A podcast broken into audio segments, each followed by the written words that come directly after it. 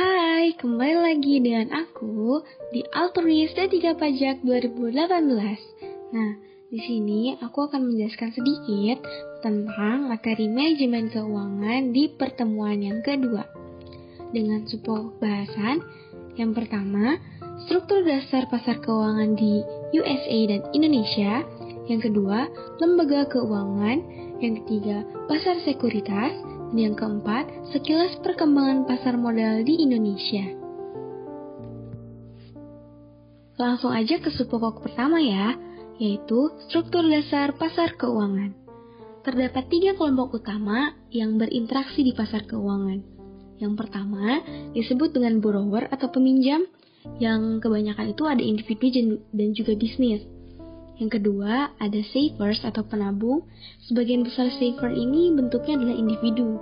Nah, yang ketiga adalah institusi keuangan atau financial institution yang berfungsi sebagai intermediary atau perantara. Biasanya bentuk dari institusi keuangan adalah bank komersial. Nah, alur dari interaksi si tiga kelompok utama ini secara singkat gini. Si financial market ini akan memberikan uang kepada borrower atau peminjam. Nanti si borrower ini membayar financing rebate kepada financial market berupa bunga biasanya. Nah, sedangkan untuk savers, dia kan biasanya menanamkan modal kan atau men menanamkan dana lah di financial market. Nantinya ketika savers telah menanam, menanamkan dananya kepada financial market, savers akan mendapat pengembalian berupa financial financing kind atau e, bisa juga berupa bunga. Jadi berupa bunga kayak borrowers. Nah, subpokok kedua adalah lembaga perantara keuangan. Lembaga keuangan itu apa sih? Nah, lembaga keuangan itu sebenarnya adalah suatu lembaga atau perseorangan yang memberikan fasilitas dan juga produk di bidang keuangan serta memutar arus uang dalam perekonomian. Nah, kegiatan operasional dasarnya adalah mengumpulkan dana dari masyarakat, yaitu dari savers, dan menyalurkan dana itu lagi kepada masyarakat yang butuh, yaitu borrowers. Jadi nanti ada siklus gitu, siklus dari dana dari savers ke borrowers nanti muter. Nah, lembaga keuangan juga menjadi perantara bagi pemilik modal yang ingin menyalurkan dananya di pasar modal atau pasar utang biar dananya bisa lebih berkembang. Ada beberapa jenis bentuk lembaga keuangan. Yang pertama adalah bank komersial. Nah, bank komersial itu tugasnya adalah menghimpun dana tabungan dari para individu dan juga dunia usaha yang nantinya dana itu tuh dipinjemin lagi kepada pihak lain. Nah, jadi si bank komersial ini bisa kita sebut atau bisa kita pahami kalau mereka itu dapat penghasilannya dari selisih lebih antara tingkat bunga yang diberikan kepada peminjam yang jumlah bunganya lebih besar dengan tingkat bunga yang diberikan kepada penabung yang lebih kecil. Jadi antara selisih bunga yang diberikan kepada borrower dan tingkat bunga yang diberikan kepada saver itu kan ada selisih kan. Nah, selisihnya itu yang menjadi keuntungan untuk bank komersial. Nah, selanjutnya ada perusahaan jasa keuangan. Perusahaan ini adalah perusahaan yang bergerak di bidang usaha peminjaman atau pendanaan, tapi mereka bukan bank komersial. Beda. Contohnya itu ada GE Capital. Selanjutnya adalah perusahaan asuransi. Perusahaan asuransi ini adalah perusahaan yang menjual polis asuransi kepada individu dan dunia usaha untuk melindungi investasi mereka. Contohnya banyak banget ya. Kita ambil di Indonesia aja, ada yang namanya Jiwasraya, terus ada asuransi BNI lain dan juga masih banyak lagi. Selain ketiga bentuk lembaga keuangan tadi ada yang namanya bank investasi. Nah, bank investasi itu adalah perantara keuangan khusus yang membantu perusahaan dan juga pemerintah dalam memperoleh dana dan menyediakan jasa pemberian nasihat kepada klien saat mereka memasuki transaksi besar, kayak merger. Jadi merger itu termasuk dalam transaksi besar ya, karena di merger itu kita menggabungkan dua atau lebih perusahaan menjadi satu, satu perusahaan yang dipertahankan, nanti perusahaan lain itu identitas dan juga kekayaannya nyatu ke perusahaan yang satu ini. Jadi ini masuknya transaksi besar. Nah, ada beberapa wadah untuk mengumpulkan dana dari investor yang biasa dilakukan oleh bank investasi ini. Yang pertama namanya mutual funds atau reksadana. Nah, reksadana itu dikelola secara profesional dengan tujuan investasi.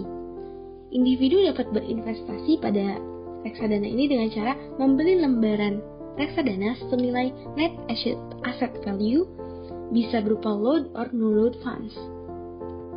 Nah, load funds itu apa sih maksudnya? Jadi, ada biaya atau pungutan dalam penjualan reksadana itu disebutnya loads oleh broker. Jadi, reksadana itu ada dua kategori ada dua kategori besar. Ada yang memungut biaya penjualan dan ada yang enggak. Nah, kalau reksadana yang mengenakan biaya penjualan itu disebutnya load fund dan yang enggak itu disebutnya no load fund.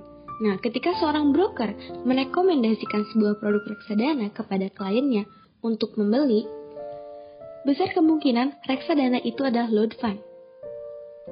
Nah, dan biaya penjualan yang dibayar oleh si klien yang masuk ke kantong si broker ini disebut sebagai pembayaran atas jasa mereka membantu klien memilih produk reksadana yang bagus.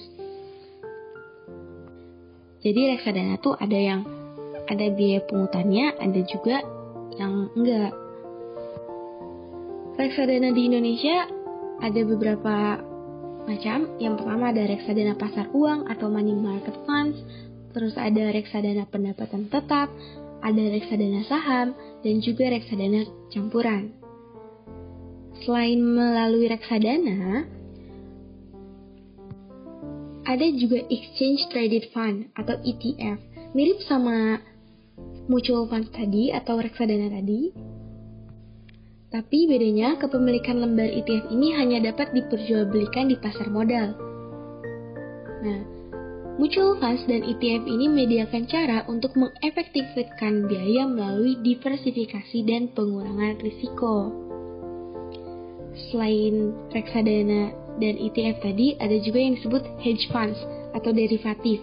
Nah, derivatif sendiri adalah sebuah perjanjian yang peluang keuntungannya terkait dengan kinerja aset lain atau underlying aset. Definisi derivatif secara khusus adalah kontrak finansial antara dua atau lebih pihak guna memenuhi janji untuk membeli atau menjual aset atau komoditas yang dijadikan sebagai objek yang diperdagangkan pada waktu dan harga sesuai kesepakatan bersama antara pihak terkait. Nah, hedge fund ini atau derivatif ini sebenarnya mirip sama reksadana, tapi dalam hedge fund atau derivatif ini regulasinya tuh lebih sedikit dan umumnya terbuka hanya untuk investor kelas kakap atau high net investor yang investasinya itu lebih dari 1 juta US dollar. Ada juga yang disebut dengan efek derivatif. Efek derivatif adalah efek turunan dari efek utama, baik yang bersifat penyertaan modal atau utang. Nah, efek yang terdapat di Bursa Efek Indonesia itu berupa derivatif keuangan, yaitu instrumen di mana variabel yang mendasarinya berupa instrumen keuangan, seperti saham, obligasi, indeks saham, indeks obligasi, mata uang, tingkat suku bunga, dan instrumen keuangan lain. Instrumen tersebut digunakan oleh pelaku pasar sebagai sarana lindung nilai atas portofolio mereka produk turunannya yang dijual yang diperjualbelikan di Bursa Efek Indonesia yaitu IDXLQ Futures dan Indonesian Government Bond Futures atau IGBF. Lalu selanjutnya, bentuk lembaga keuangan lainnya adalah perusahaan investasi.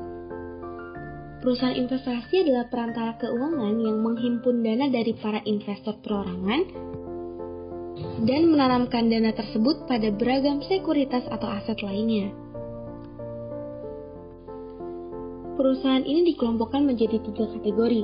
Yang pertama, perusahaan investasi manajemen open end, juga disebut sebagai reksadana, e, tidak memiliki batasan pada jumlah unit masa dana yang berarti. Investasi, in, maaf, investor dapat terus membeli atau menebus sahamnya pada nilai aset bersih saat ini. Kategori yang kedua adalah perusahaan investasi manajemen tertutup yang disebut sebagai trust investasi. Kategori ini pada dasarnya adalah perusahaan publik yang meningkatkan jumlah modal tetap melalui penerbitan sejumlah saham yang diperdagangkan di bursa saham. Kategori selanjutnya adalah Unit Investment Trust atau unit trust berbagi kesan. Di sini, perusahaan investasi memegang portofolio saham, surat utang, dan instrumen pasar uang lainnya murni untuk tujuan investasi. Lalu selanjutnya selain perusahaan investasi ada juga private equity firms atau perusahaan PE. PE sendiri adalah perantara keuangan yang berinvestasi pada ekuitas yang tidak diperdagangkan di pasar modal. Jenisnya ada dua. Yang pertama adalah perusahaan modal Ventura, adalah penyedia dana untuk perusahaan privat baru atau startup companies yang baru pertama kali dibentuk. Uh, jenis lainnya adalah perusahaan leverage buyout atau LBO. Perusahaan ini adalah perusahaan yang mengakuisisi perusahaan lain secara umum yang sudah tidak berkinerja bagus lagi dengan tujuan agar perusahaan tersebut bisa menghasilkan laba lagi, lalu perusahaan bisa dijual kembali. Biasanya, untuk mendanai pembeliannya itu menggunakan hutang. Oh iya, selanjutnya ada lembaga keuangan di Indonesia itu ada dibagi jadi dua secara garis besar.